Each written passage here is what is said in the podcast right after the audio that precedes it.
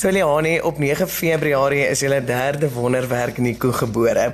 En nadat julle al die nodige toetse gedoen het en die vele onderskeie dokters afsprake nagekom het, wat het julle van die geboorte en Nico verwag? Maar ons het verwag 'n gesonde baba en um, 'n seentjie. so ja, ons het verwag dat ons 'n gesonde baba sal hê. Ja. OK. En vertel ons wat toe na die geboorte gebeur het. Wel, ek en NB het um Nico is net gebore en ons was kamer toe om saam met Nico om nou weet te sê o, 'n nuwe baba. Kyk ons nuwe baba en toe het hulle hom dadelik kom haal want hulle wou hom blykbaar warm hou of wat ook al. En toe is hulle eintlik besig om te kyk na die merkers op sy lyf, na sy sagte merkers om wat vir hulle dadelik gewys het dat hy Down syndroom het. So ons het nog nie eers regtig die aha oomblik gehad met Nico toe hy gebore is nie. Hy's dadelik van ons af weggevat en teruggebring na langruk, baie langruk wat hulle toe nou vir ons sê oor hulle vermoed hy Down syndroom. So op daai oomblik was ons eintlik was ons oomblik op daai oomblik weggevat. Oh, en ehm um, ja, en dit was 'n groot skok vir my. Ja, want ek wou nou net vra hoe het jy gevoel toe die dokter terugkom en hy sê dit? Dit voel of jy dadelik dadelik of jy iets verkeerd gedoen het. Dit voel soos jy's in die hoofse kantoor en hy's besig om jou uit te trap vir iets wat jy verkeerd gedoen het en jou moed sak in jou skoene en net daar verloor jy al die hoop en drome wat jy in 'n jy verloor dit in 'n oomblik en um ja, dit is te veel emosies in een oomblik en dit oorweldig mense verskriklik. Dit is regtig dit was nog rof. Oh nee, nee. En wat sê die wete verander het, die wete dat hy Down syndroom was of is, verander het aan die hele proses en die gevoel na die tyd. Ek dink as hy nie Down syndroom was nie, sou ons obviously baie baie meer opgewonde gewees het om met die wêreld te deel. Kyk ons mooi seentjie wat ons in elk geval gedoen het, maar met 'n storie daarbey. Um wat dit anders sou gemaak het is dis bekommernis. Jy weet nie wat die toekoms inhou nie. Dis vrees. Jy weet nie um hoe jy dit gaan kan hanteer en um wat dit behels nie. Ek bedoel ons nie almal van ons het Down syndroom kinders in ons families nie. Um ons het ook nie vriende met Down syndroom kinders nie. Um jy het 'n Down syndroom kind dalk gesien een keer in jou lewe.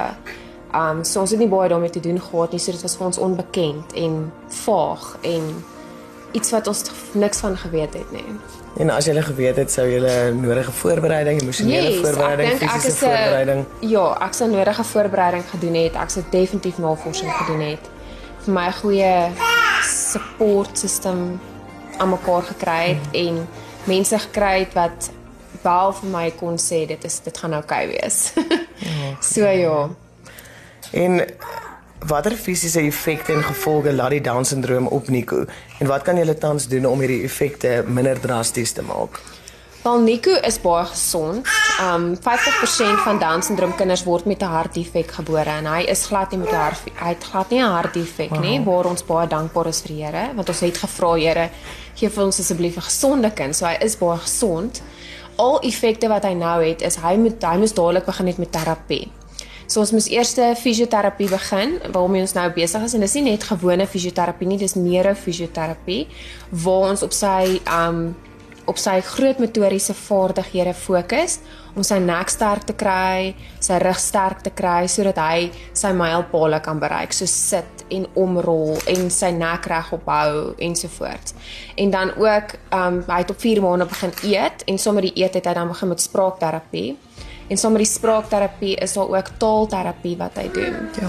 En so leer hulle dan die Down syndroom kinders om ook um, met gebaretaal te kommunikeer want hulle vat langer om te praat. Wow. So op 2 jaar praat hulle nog nie regtig nie, maar dan kan hulle ten minste gebaretaal gebruik om te kan praat en die swak um mondspiere wat 'n laaspiertonus is by by Down syndroom kinders veroorsaak dat hulle langer vat om te praat. En dit is hoekom hy dan nou spraakterapie nodig het. En dan saam met sy spraakterapie het hy ook arbeidsterapie nodig. En dit is vir die fynere motoriese sensoriese ontwikkeling. So, ehm um, dit is 'n maandelikse ding, 'n weeklikse ding, elke week terapie vir die eerste 5 jaar baie intens van sy lewe en dan tot en met 12 jaar wat hy terapie nodig het. Al drie daai daai soorte terapie. So. En as jy dit nie doen nie, kan hy nie tot sy volle potensiaal ontwikkel nie. Nou terapie op Down syndroom kinders het eers begin in die 90s. Um vroeër voor dit in die 80s en in die 70s en die 60s was daar geen terapie vir die kinders gedoen nie. Hulle was in in inrigtinge gesit. Mense het regtig nie omgegee nie. En omdat daar so revolusionêre ontwikkeling is met die terapie, kan hierdie kinders tot hulle volle potensiaal ontwikkel. Amazing. Mm, ja, dit is.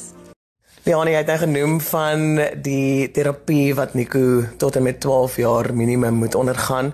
Watter fisiese effekte is daar van die Down syndroom? Fisiese effekte dadelik is lae spiertonus. Down syndroom kinders het lae spiertonus, so hulle sukkel om hulle mylpale te bereik, soos om te loop. Um gewone mylpale vir 'n kind om te kan loop is tot 18 maande.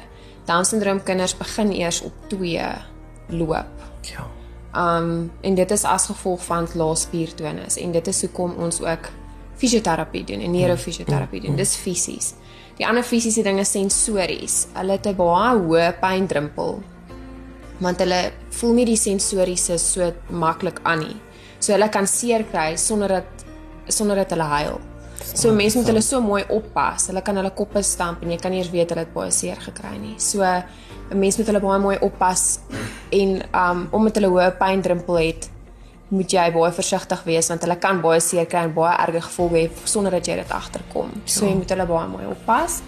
En dan En jy praat dan van sy sy kop wat hy stamp. Jy het ook genoem Ja, sy kop stamp veral ja. Ja, ja dat- so mense moet baie versigtig wees. En dan as ek hom byvoorbeeld vat vir sy inentings, dan hy hy glad nie. Ja. Want hy voel nie daai sensoriese, hy voel nie die pyn aan nie. So dis ook iets wat ons baie moet stimuleer. So jy vryf sy bene en sy arms en jy moet dit baie masseer sodat hy kan voel. Mhm. Daar's touch. So En jy het nou genoem dat sy kop 'n snaakse vorm het. Wat yes. wat gebeur daar? Wel wat wat gebeur het is uh, en dit is algemeen onder Down syndroom kinders is dat sy kop is asimetries wat teken aan die een kant is dit meer afgeplat as en aan die ander kant val agter op sy kop is daar 'n plat gedeelte. So ons wil daai plat gedeelte vorm dat hy weer rond is en dat sy kop simmetries kan wees. Maar as gevolg van die afgeplatte gedeelte het sy oor al 8 mm geskuif. Ja. En as dit nie behandel word nie, dan verander dit die simmetrie van sy gesig waar sy ore lê, die posisie van sy ore en dan ook hoe sy kakebeen aangroei. En dan as jy dit ook nie aanspreek nie, kan dit baie groot drukking op sy brein veroorsaak. Sy klein sy op sy breinstam en dit beïnvloed dan weer hulle taalontwikkeling en spraak. So dit is baie belangrik om daarna te kyk. Dit is nie so algemeen in Suid-Afrika nie, maar in Amerika en in Europa um, is dit baie algemeen om hierdie behandeling te ondergaan. En wat 'n navorsing wat het julle toe nou al uitgevind oor wat julle met sy kop kan doen? Ek het ek het ek het dadelik aangesluit by ondersteunersgroepe oor see want hulle is baie meer ver ontwikkel as Suid-Afrika. En um op die navorsing wat ek gedoen het, het ek gesien dat daar kinders is wat hierdie spesiale as ek so kan sê helmets dra. En um ek het navorsing gedoen en ek het 'n gesin ontmoet die vlok gesin hier in Centurion wie se dogtertjie dit ook ook die behandeling ondergaan het en bietjie navraag gedoen daaroor. En sy het my vertel waar dit gaan. En sy het gesê dat ek nie gaan spyt wees om daarna te laat kyk nie. En daar is toe nou een spesialis waarna toe sy my verwys het in Rivonia wat hierdie behandeling doen.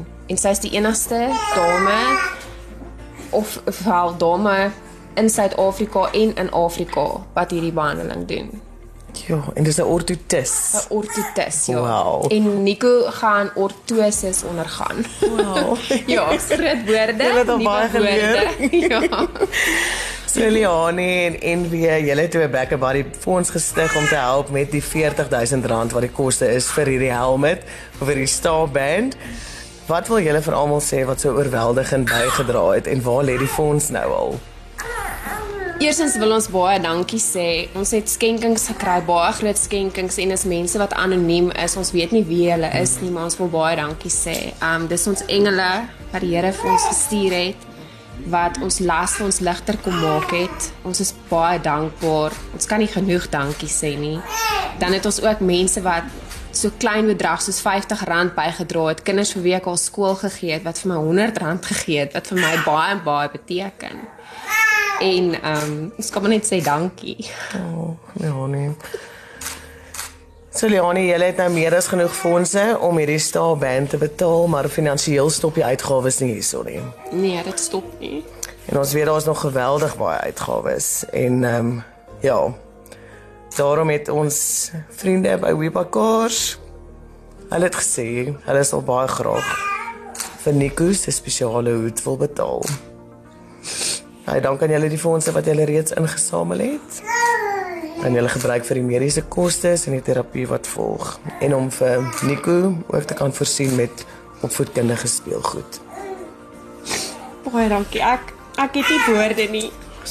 Ek kan net sê dankie Here want ek en my man het nie geweet hoe gaan ons dit kan doen nie. Ons het net gevra hoekom Here. En die Here sê net hoekom nie. Mm.